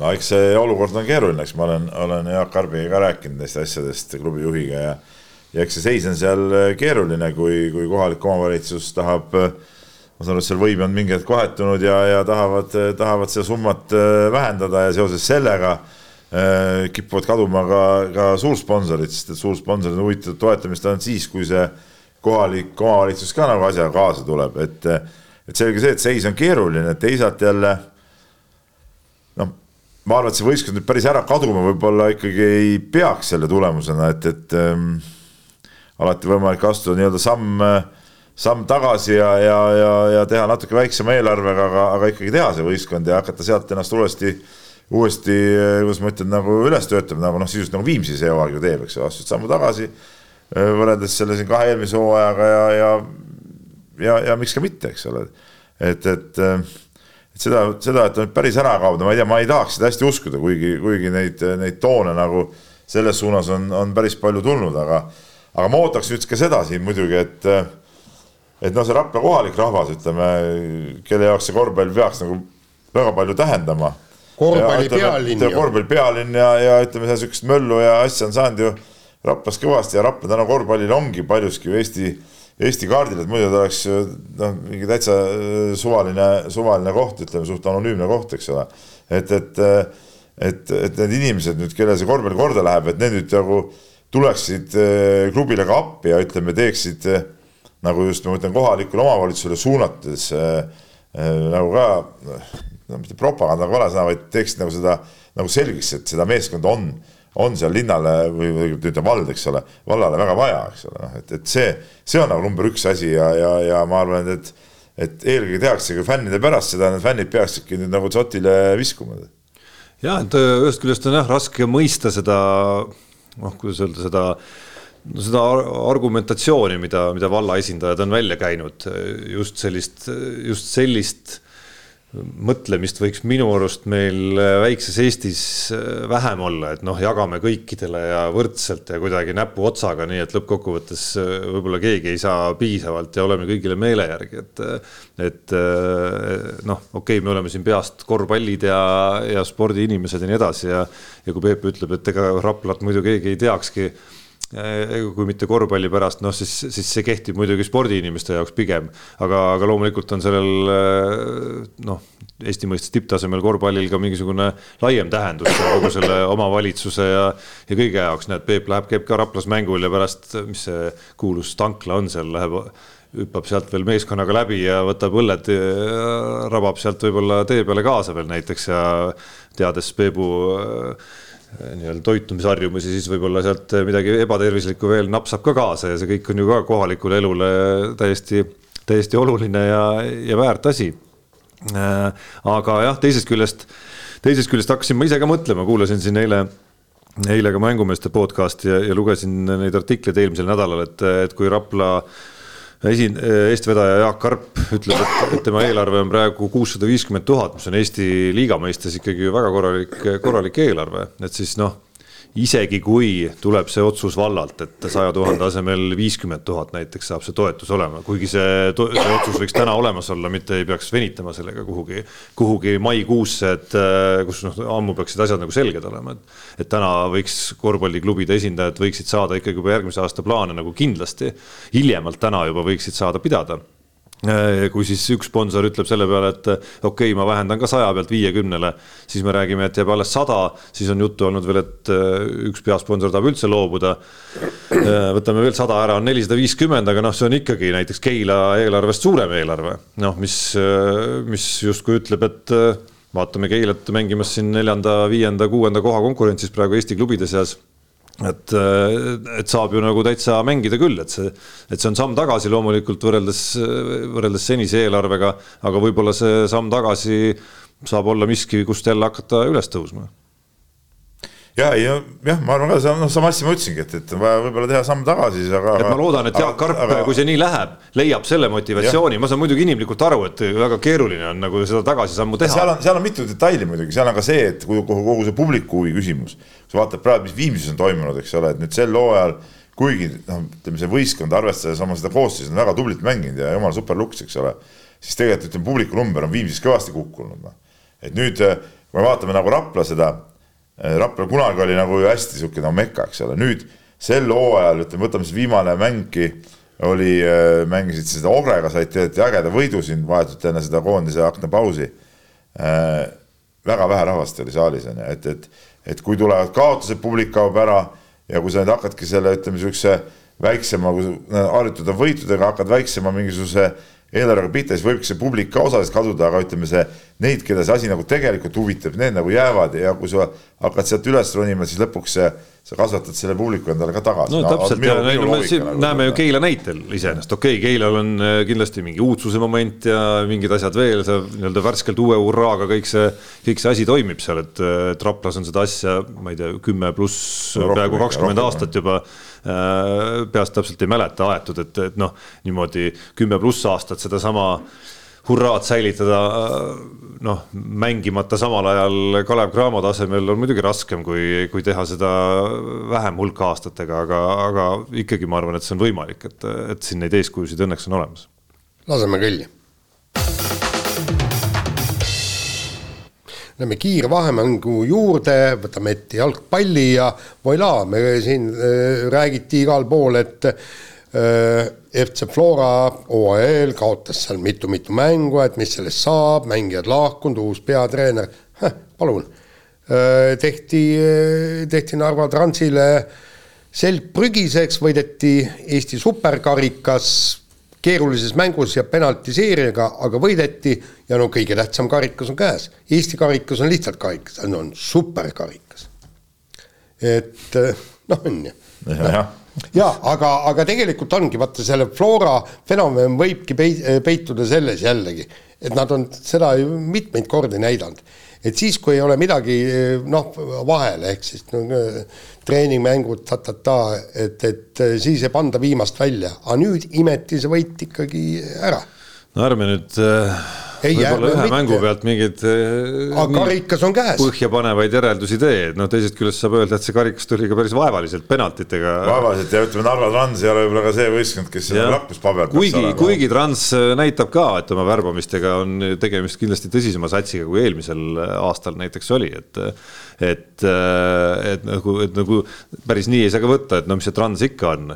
aga, aga noh, ma arvan üldse, et ei maksa siin ühe mängu pealt liiga, liiga kaugele veel minna, seal oli veel päris huvitav äh, olukord ka mängu alguses, kus võiks veel rääkida sellest, kas, kas üks mees jäeti Floral ebaõiglaselt eemaldamata, kusjuures kus seal jalg käis vastase näos ikka päris korralikult ära äh, mille üle jalgpalliringkondades äh, on loomulikult aasimist kohe eriti kõvasti, et näed, kuidas Florat jälle seal jälle miskipärast just niipidi see asi läks, isegi kui kõik oli õige, siis, siis loomulikult ikka niipidi. tšempionaat hakkab sel nädalal pihta ja siis sügisel vaatame, kes siis tegelikult selle kõige väärtuslikuma karika üles tõstab. no paberil tundub ikka kuidagi väga selge kuidagi minu arust see, see noot ja toon, et, et, et Paide ja Levadia vaheline asi võiks. see Paide asi tundub nagu huvitav, et, et kuna kuna ütleme, Tarmo Kink on sihuke üks jalgpalliringkondade mul nagu lemmiktegelasi oma siukse oleku poolest ka ja, ja ja ma kuulan ikka nende seda jalgpallisaadet ka ja siis ma hoian talle pöialt, et kui ta nüüd sinna Paidesse sai ka abitreeneriks, ta panebki reaalselt need mehed seal väravaid lööma, nii nagu ta on, on lubanud, eks ole, ja, ja hakkab tulema. Tahaks siin meenutada, et, et sul tegelikult joppas väga et, et Tarmo Kink sind ahistamise eest äh, süüdi ei mõistnud. õigus, ma olen sa... Tarmo Kingiga ju, ju kokkupõrge, eks ja ole. tea, kes seal keda ahistas nüüd. ei no sa, sina igal juhul saatsid sa sõna otseses mõttes sinna kohta, kus päike ei paista. tema saatis mind ka vist no ja Tarmo Rüütel tuli vahele, et poisid, poisid mäletan, kusjuures te oma selles ajahüpete saates ma, mulle meenub, isegi meenutasite seda. vist oli tõesti, noh, mis siis, noh, ja mis oli, õudsed hingehaavad on mõlemil või, ei ole ju no kust sa tead, võib-olla Tarmol on. ei usu. ja sa ise ka ei tunnista. ta ei ole siukse näoga mees, et tal hingehaavad jääksid siuksest asjast nii, aga tundub, et mingeid hingehaavu ei ole ka neljal Eesti-Vene hokimehel. Neist kolm siis Tartu Välk neli üheksa neli satsist ja teine ja üks, mis ta oli, Kohtla-Järve Viru Sputnik äkki või? on endiselt selle satsi nimi. vist, vist küll jah. kes siis käisid Eesti lipu all mängimas Kaasanis toimunud äh, Vladimir, ütleme siis maakeeli Vladimir Putini propagandavõistlusel nimega Tulevikumängud ja, ja kelle litsentsid siis äh, otsustati pärast seda peatada. aga ma ei saa üldse, mis kuradi asi see oli, mängisid mingit arvutimängu, siis mängisid mingit kolm-kolm okit või? jah, umbes nii oli. tulevikumängud mis tulevikumängud? ei no tulevik ongi nii, sul on ka. ma mõtlen seda, et, et, et mis asi kannustas üldse neid, ütleme noh, teades veel, et, et nagunii ei noh, Eesti noh, ei tohiks nagu minna sinna, eks ole. et mis üldse kannustas neid mehi mingi siuksele, mingi täiesti absurdsele üritusele minemast, et ma saan aru, kui seal oleks mingisugune no,, ma ei tea, hoki mm toimunud või, või segastel asjaoludel, et, et no nüüd tuleb minna, eks ole, et, et kuule, kui Keilat kutsutaks, ma ei tea, jätame praegu selle, selle Venemaa ja sõjateema kõrvale, kutsutaks kuskile, ma ei tea, Hispaaniasse, Barcelona kutsub sind kuskile, et meil tuleb sihuke äge, sihukene meelelahutuslik üritus, kutsume Keila korvpalliklubi, kolm korda kolm kossu ja siis natukene NBA kaks K-d ka juurde. ei, aga sa ju tead ju, et, et sinna ei tohi ju minna ei no see on nüüd te, see on siis, teine teema. ei, ei mingi meelelahutusüritus kindlasti me läheks, mis kaks K-d mängivad, oled mõistlik. kuule mehed, me, me jällegi, jällegi ja seda on mitmel puhul just nendes nii-öelda Vene-Eesti olukordades. me eeldame, et kõik teavad, et sinna ei tohi minna, kõik nii. ma ei ole selles üldse eh, kindel, nad elavad oma kuskil pagana ruumis, nad ei, isegi ei mõtle mõtle sellele, Kaasanisse kutsutakse, Kaasan ilus linn, vägevad kirikud on ju, eks. ja lähme käime ära, mängime, kihvt äh, vägev, nad, nad isegi seda ei taju. loomulikult seda see kõik näitabki, nii lihtne see ongi, kui me räägime, räägime sõjateemast. Eh, kas mitte see Makedoonia Kosovo meeskonna superstaar mitte kaasa Unixis ei mängi. mängib, mängib Venemaal silm käib pilgu. nagu silm käib pilgu. Vene, Vene raha sobib väga hästi. jah, täpselt noh, et, et nii, nii see elu kahjuks on, nii aga raha küsimusega jätkame ja Indrek Kelk, ma ütleks, et Eesti võib-olla kõige legendaarsem äh, võistluste korraldaja ehk siis Tartu maratoni korraldaja esitas küsimuse, et miks toetab riik äh, Tartu maratoni kuuekümne viie tuhande euroga, samal ajal kui Tallinna maratoni kuuesaja viie ja Tallinna triatloni seitsmesaja kahekümne tuhande euroga siis, kuuekümne viie tuhande siis ja kuussada, kuussada viis tuhat ja seitsesada kakskümmend tuhat. ja ausalt öeldes ma küsin ka, et miks, sest et, sest et olgem ausad, ükskõik mida siin Eestis ka ei korraldata siukeste massiüritustena, no Tartu maraton jääb Tartu maratoniks ja seda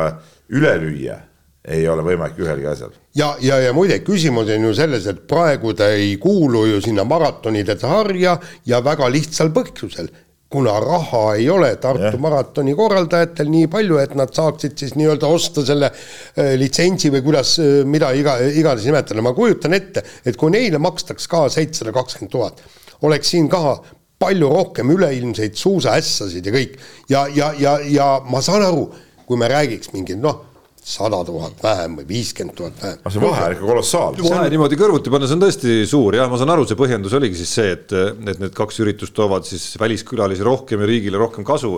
aga nagu sa ütlesid, siis äh, kui, kui Tartu maraton oleks suure sarja osa, siis tooks ka see rohkem, siis see välismaalaste hulk hüppeliselt kasvaks. me peame arvestama ka, ka ürituse nagu sümboolset tähtsust, mis asi on Tartu maraton, okei okay,, muidugi Tallinna maraton, triatlon, vägevad korraldatud asjad ja, ja toredad üritused, aga Tartu maraton on ikka postamendi absoluutne tipp. Noh. ei no, ei no, no nii palju on mõistetav jällegi, et see noh, teatud mõttes see on saanud mingisuguseks äh, toetuse maksmise üheks oluliseks aluseks, see, see nii-öelda arvutuskäik seal, et palju sul on välismaa osalejaid ja palju välismaalasi tuleb ja sellest võib nagu aru ka saada, et see toob riigile teistpidi raha tagasi. aga siin on nagu natukene nagu nokk kinni, saba lahti, et võtad raha ära, väliskülalisi on vähem, annad, annaksid raha rohkem ja oleks nagu, oleks, oleks Tartu maratonil kohe ka välismaa suusatajaid kohe palju-palju rohkem. et natuke tekib see küsimus, et kas siin on mingi kas siin mingi asjaajamise teema ka, et, et ega need Tallinna maraton ja triatlon äh, ka ei ole ju noh, nad on ka mingil hetkel kuidagi püüdnud ära tõestada, et näed, see rahvas tuleb siia ja siis, kui ma olen selle sarja osa, triatloni puhul eriti, ja siis saanud selle summa, et, et see tundub nagu võiks olla Tartu maratoni korraldajatel siiski äh, noh, ma ei tea, peaks Urmo Aava käest võib-olla nõu küsima, et kuidas see nendele rahajagajatele ära tõestada, et andke, ma ei tea, kakssada tuhat juurde ja no,, see, ja kohe vastame teie kriteeriumidele. kolossaalne, noh, see ei ole nagu loogiline. ja, ja teine asi on ju see, Tartu maratoni puhul on kindlasti ka re regionaalne mõõde, et üks asi on ju Tallinn, kus on ja. tegelikult niikuinii seda raha rohkem kõik ja seal on veel üks asi minu teada, kui see kuuluks sinna suurde ma maratonide sarja, siis sellest tehakse üle üleilma ka teleülekanded. ja, ja, ja, ja, ja, ja no, saaks ma, ma... tegi vanasti ju teleülekandeid, kui see oli seal sarjas, jah. ja, ja maailm näeks ka ju seda Tartu maratoni kindlasti, noh, ma ei usu, et triatlonist või, või Tallinna maratonist kuskil mingi ülekanne tehakse. ülekanne üle maailma. televiisorisse või?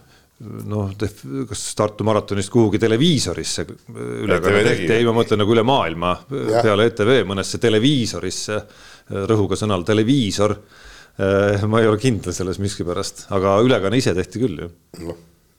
nii, äh, vaatame järgmist teemat, oot ma pean nüüd vaatama, ahaa e, ERR-i uudistesaates. tund seitseteist on läinud ka juba, et seal. Äh, jah, Ringvaade. Kristjan Ilves, meie kahevõistleja, üks kõvemaid talisportlasi läks kohale ja kogu selle jutu ajamisele siis selgus, et, et tal olid kõi-, tähendab, see oli vist salvestatud klipp ja, ja kõik sponsori logod, tänu millele Kristjan Ilves üldse saab seda sporti teha ja mis nad olidki tema vormil selleks, et näidata rahvale neid logosid, et nemad on kõvad mehed, toetavad Kristjan Ilmest, tänu millele mina saan võita MK-l kõrgeid kohti ja kõik nii ja need olid ära hägustatud. see oli minu arust kõige jaburam asi, mida ma, eelmise nädala, kui me jaburuste toppi võtame, siis see läheb nagu sinna sinna tippu no igal juhul, et, et seal mitte mingit loogikat ei ole, samal ajal kui, kui eh, ETV kubiseb ju reklaamiklubi saadetest, kus, kus on ta seal hommik Anuga või sama Ringvaade, kus, kus eh, tehakse reklaami mingitele suvalistele üritustele, raamatutele, kontsertidele, ma ei tea, millele iganes, eks ole. ja, ja siis selline asi udutakse ära, et mis te olete peast põrunud seal ERR-is või? Aju, ajud jooksid kõrvadest välja või? ma, ma, ma ei oska, ma mitte, mitte muud diagnoosi ma ei oska panna nagu inimestele. seal väike puänt no. oli päev hiljem, et kui ma õhtul panin eh, televiisori, rõhuga sõnal televiisor, eh, sisse kodus, siis eh, kell oli kuskil üheksateist ma ei tea, neljakümne viie kandis või kusagil seal. ringvaade oli oma lõpusirgel juba ja seal oli just mingisugune, ma ei saanud, ma täpselt ei viitsinud üle vaadata, millest see jutt täpselt käis seal, mingit eksperimenti vist tehti seal mingite vannidega stuudios, ma ei tea, kas keegi nägi seda või mitte. aga mina panin teleka sisse, televiisori, vabandust. sellel hetkel, kus siis mingite vannide nii-öelda, kes olid toonud need sinna mingiks iganes asjaks, kes siis suutis enne, kui ta eetrist maha võeti, maha hõigata ka oma selle veebilehe aadressi Grete Lõbu suureks meelehärmiks ilmselgelt. ja siis tuli järgmine klipp või mitte klipp, vaid ettevalmistatud saatelõik, mis, äh, mis algas sellest, et äh, välja on värskelt antud Chuck Norrise anekdootide mingi raamat ja siis näidati seda raamatut ja siis Jüri Mutik ja Anne Sermaküla said järjekordse järjekordse selle oma selle nii-öelda Chuck Norrise naljade väikese selle üksteise otsa vaatamise klipi teha, mis oli tore, aga noh, ikkagi nagu kakskümmend neli tundi hiljem oli siis äh, nagu puändina kaks sihukest noh, ikkagi nagu väga selget ei no no,, teist, teistsugust juhtumit. et eks ta nägi tobe välja tobe, muidugi, et kui juba, et kui juba võtteplatsil ei ei tehtud näiteks Kristjanile selgeks, et ma ei tea, võtaks kasvõi selle nokamütsi toas ära või no midagigi on ju, et siis, siis tagantjärele udustama hakata tundub mulle, tundub mulle nagu jabur. ei, aga miks seda kõike ära võtta, ma eile vaatasin muide ja nüüd ma vaatan ka tähelepanelikult kõiki neid spordisaateid ja ETV saateid ja eile oli intervjuu äh,. oli intervjuu Anti Saarepuuga, kes on ta on see, mis Haanja spordikeskuse juht. jumal, rinna peal logo mütsi peal logo, okei okay,, see oli, see oli ilmselt oli siis see, see jope firma logo, aga miks neid ei ole ära hägustatud? ei no kuule, kui sportlased, miks olid, võta laskesuusatajadki andsid intervjuus, kogu aeg olid ju logod väljas. ei, aga miks neid et, ei et, ole ära? mis, see on ju, see on okay. see on ju jama ja kuule, me ei saa ju niimoodi neid asju võtta. kuule, andke nüüd natukenegi nagu mõistust, et noh, see selleks, et inimesed saaks sporti teha loomulikult peavad need logosid kandma ja, ja eluaeg on need siukeste bluusidega ringi käidud ja jakkidega ringi käidud ja, ja see nüüd ei võta nüüd küll kellelgi tükki küljest ära. ja aga aga Peep, siin on täiesti raudne, vaata seda nad ütlesid, et need on võistluste ajal, siis on näha, eks laskesuusatamine võistluste ajal on näha, pärast seda intervjuud, aga ma ei taha näha ühtegi enam, mitte ühtegi nii-öelda klippi enne võistlust või siis võistluse järgi, kui nad tulevad stuudiosse, et ühelgi laskesuusatajal oleks logo peal. olgem, olgem ausad ja tehkem nii, nagu äh, ETV on Kristjan Ilvesega teinud, raudne värk, nii. laseme kõlli Unibetis saab tasuta vaadata aastas enam kui viiekümne tuhande mängu otseülekannet. seda isegi mobiilis ja tahvelarvutis. Unibet, mängijatelt mängijatele. nii Peep, kuidas sa lahendasid siis oma, oma, oma suure ei, probleemi? et, et siiski eh, turniir lõppenud ei ole. Eh, mingi mäng oli tekkinud, aga see ei tekkinud niimoodi, et ma ei jõudnud, eh, jõudnud nagu jaole selle, nüüd on jälle nagu momendil jälle ei ole midagi. siis ma üritasin panna vahepeal siin Austraalia jalgpalli peale ja, ja vaatasin, päris hea koefitsient panin ära ja sel hetkel see võeti nagu maha, et nüüd mul jäigi nagu täna jäi siis nagu, nagu, nagu panemata, ma pean siin nagu Unibeti järeleaitamistunde tegema. Unibeti mehi natuke siin nagu urjutama, et mis jamate tead. mingi korvpall on ka tekkinud. ahah, Jaapani B2 liiga ai, see, see on. aga see mäng on nii algstaadiumis, et ma ei viitsi selle peale panna, see pole huvitav, ma tahan need, mis kohe saab tulemuse. nii, Jaan. Äh, jäin omadega nulli, panin, et äh, Eestile anti üheksa, üheksa punkti ette, panin selle panuse, see oli ka mingi võimendatud panus, et no üks koma üheksakümmend viis, väga, väga, väga hea panus tegelikult. selle võitsin ja siis ühe teise panuse panin ka korvpallile kolmikpanuse ja selle kaotasin, nii et põhimõtteliselt, et kümme, kümme kadus, kümme tuli, nii et nullis mina olen sügavas äh, miinuses, kui rahast rääkida, emotsiooni mõttes olen plussis, sest Eesti on kaks-null. panid Eesti vastu? Äh, esimeses mängus jah, lihtsalt äh, see tundus nagu, no ma ei mäleta, et ma oleks nagu emotsionaalselt nii läbi olnud telekat vaadates, viimati vist selle Ukraina finaalturniiril Ukraina mängu ajal. no lihtsalt nagu, kuna see, selle võitmine oli nii oluline finaalturniirile pääsemise osas, siis, siis see oli lihtsalt puhas panus selleks, et kui tõesti halvasti läheb, siis oleks nagu mingigi lohutus.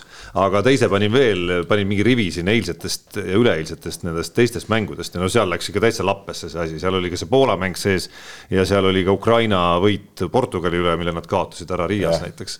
et no see, see läks kõik lappesse, nii et, et ei ole midagi, midagi edukat ette näidata. räägime kirjadest. räägime kirjadest ja teadlane Priidik on kohe, toob korraks seal Anna Levandi teema valguses veel hea küsimuse sisse ja küsib, et kas Anna Levandi tegutsemiste taga võivad olla ka materiaalsed huvid ehk kas treening, treeningute treenerite rahastamise mudel näeb ette tippsportlaste koolitamiseks suuremaid finantse kui näiteks nii-öelda tavaliste treenitavate ehk antud juhul siis laste puhul.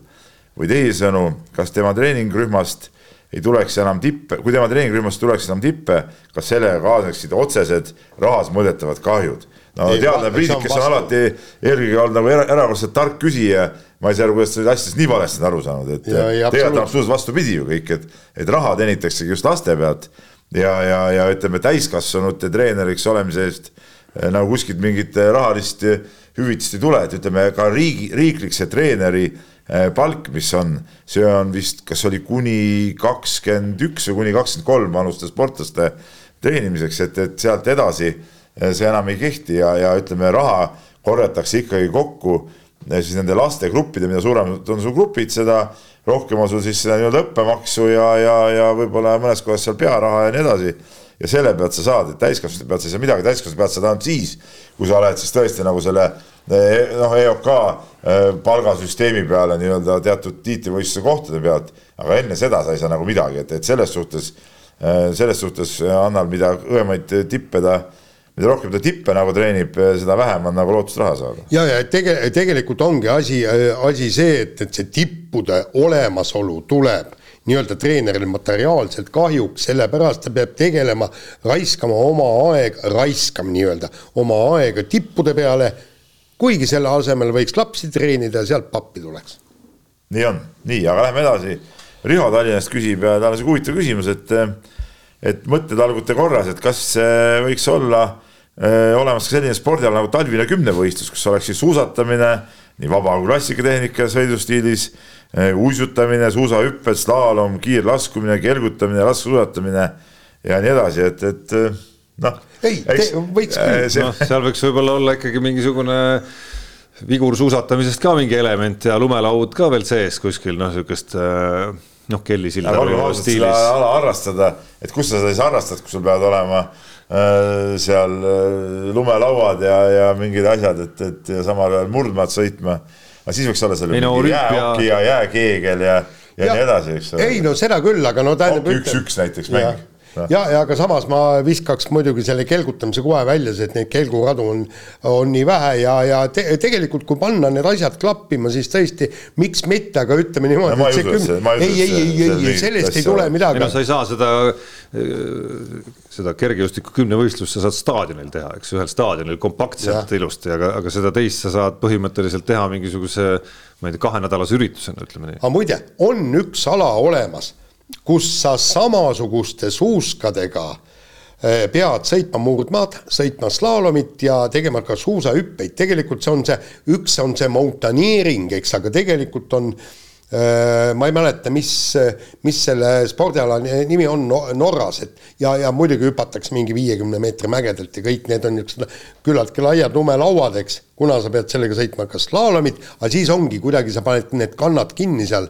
kummiga kannad kinni, ta-ta-ta, ja siis sa pidid nende samade suuskadega äh, kütma ka murdmaad, nii et noh, teine probleem, kergejõustiku kümnevõistlus kuidagi väga hästi kombineerib kokku siis nagu erinevad võimekused seal, seal sellised jõuomadused, kiiruseomadused, vastupidavusomadused, et, et natuke väga suusakeskne oleks, oleks see kümnevõistlus, mis sealt sai ette loetletud.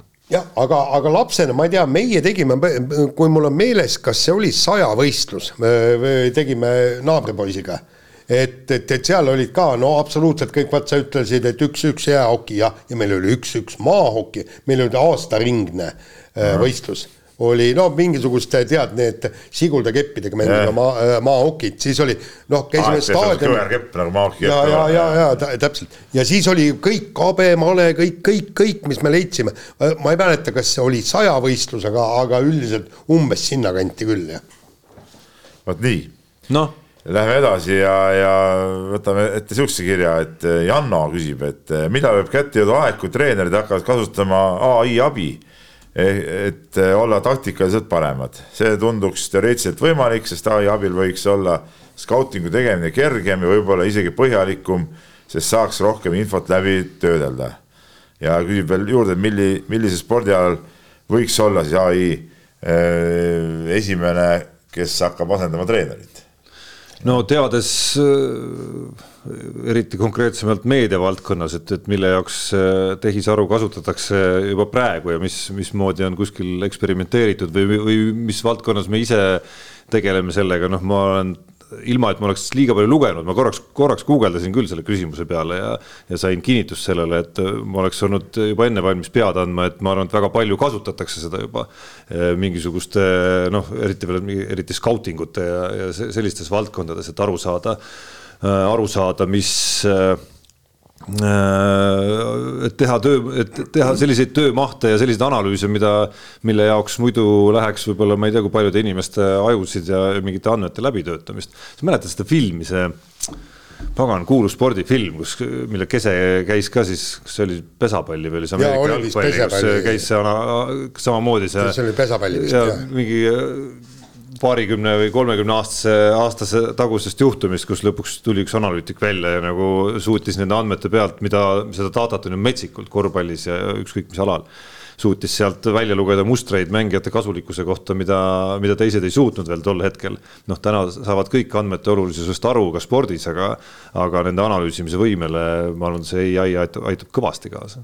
ja no näiteks eile ma sain tõsise elamuse äh, malemängust ühesõnaga, ma vaatan seal ühte kanalit, kus noh, näitab neid mänge ja kirjeldab, äge värk, eks. ja eile oli siis niimoodi, ta näitas, et kaks kompuutrit oli teineteise vastu, kui, kui kui, kui parimal maletaja reiting oli no mingi kaks tuhat üheksasada enam-vähem, siis üks arvuti oli kolm tuhat, kolm tuhat kolmsada umbes ja ühel oli siis kolm tuhat kaheksasada kopikatega. ühesõnaga see mäng oli nii, et see kommentaator ütles, et ka mina ei saa aru, mis siin toimub. ütleb, et, et, et see oli täiesti ulme, mida see mängib, ma arvan, et ta tegi selle käigu sellepärast, et aga õige tulemus võib ilmneda alles kunagi kümne-kahekümne käigu pärast. ja ta ütles niimoodi, et kallid inimesed, see nõr-, kui see nõrgem arvuti mängib inimese vastu, siis inimene saab kümnest mängust võib-olla ühe viigi kätte Eh, kobistab, aga ütles see võimsam arvuti paneb sellele nii-öelda mitte nii võimsale arvutile kümnest kümme, kahekümnest kakskümmend, ütleb, et inimese mõistus ei võta seda, mida teeb arvuti ja ütles, et meie inimeste probleem on see, me ei saa aru, mida ta teeb ja ma mäletan eh, sügisel, sügisel Helsingis ühel, ühel ärifoorumil, kus ka tehisarust palju räägiti ja siis kõlas ka laval üks päris sihuke poolirooniline äh, mõte, et siin äh, inimesed oma inu, inimajuga noh, kes arvavad, et nad on, ei ole, ei ole kõvade oraaklivõimetega, üritavad siis ennustada, ennustada tulevikku tehisaru kohta, mis, mis on tulevikus, ma ei tea, sadu tuhandeid või miljoneid korda arukam kui tema, et, et selles, et see kõlab juba veidralt. ma vahepeal guugeldasin veel ja, ja, ja teine minu tunnetus sai, sai ka kohe kinnitatud, et, et neid neid tehnoloogiaid äh, või neid, kes pakuvad tehnoloogiat, mis võiks näiteks Peebul juba mängu ajal teoreetiliselt olla käes ja pakuvad sulle mängu ajal juba, et ma ei tea, nüüd sa peaksid panema Kasemetsa mängu või võtma ära või minema maale kaitsesse, on juba olemas. ja ma arvan, et nende areng saab olema siin lähiaastatel meeletu. no see on ju tegelikult, see on ju jura ju tegelikult, saad aru, see nagu, see nagu. ei no seal tekib päris palju probleeme spordis, absoluutselt nii nagu meedial tekib probleeme, kuidas kuidas eristada sisu ja nii edasi, nii tekib teil probleeme, kuidas piirata ja. selle kasutamist. sul on seal ju treenerite pingil igal pool on arvutid ees. kaob, kaob ju ära siis ütleme ikkagi see mäng kui selline kaob nagu ära. aga male kui selline. male, arvutite male on ka debiilsus, ma ütlen. ei, noh. ei ta on debiilsus, aga, aga praktiliselt ongi see, et, et inimesed mängivad oma liigas ja see ei ole mitte teine, kolmas, neljas ega viies liiga, vaid see on seitsmes liiga. aga mina ei taha näiteks arvutite malet vaadata, sest et seal puudub inimlik faktor. ja puudubki. aga ma ei taha siukest asja, mis, mis kuradi elamust siukest asja saab, ma ei saa. ei, elamus, ei, see oli niivõrd lahe mäng. ei, see ei ole lahe mäng. No, seal puudub ju, seal puudub ju ju see, et, et keegi mõtleb, keegi teeb midagi. ei, mõtleb puudub, kindlasti. ei, puudub pingutusefekt ju noh. ei, ei muidugi no., aga, aga see, kuidas on võimeline äh,. ei no kuidas, mis arvuti on võimeline, ei huvita üldse noh ei no aga miks inimene kuule, ei ole? lõpetame ära. nii, okei okay,, lõpetame saate ära, kuulake mind järgmine kord. mehed ei nuta. saate tõi sinuni Unibet, mängijatelt mängijatele